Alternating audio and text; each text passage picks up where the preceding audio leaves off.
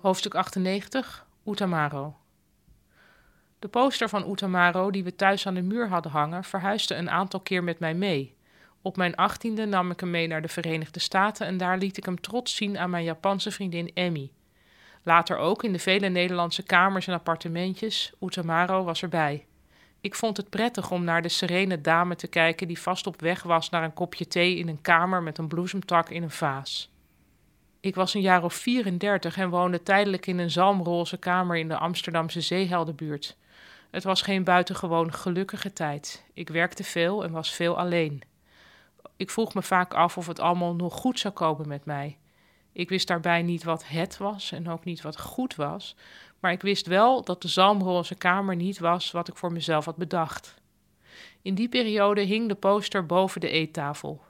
Op een zeker moment keek ik weer eens naar de dame en in een flits zag ik het. De mouw van haar kimono met al die vouwen, dat was een kut. Daarna kon ik het niet meer onzien. De serene glimlach werd ondeugend. Logisch eigenlijk. Het was een prent van een prostituee in de drijvende wereld buiten Tokio.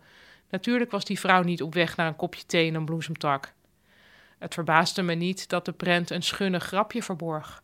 Het verbaasde me wel dat ik er een jaar of dertig overheen had gekeken. Niet lang daarna begon het de goede kant op te gaan met mij. Dat kwam natuurlijk niet door Utamaro, maar misschien wel doordat ik de dingen nog eens opnieuw bekeek zoals ze waren, in plaats van hoe ik ze had bedacht.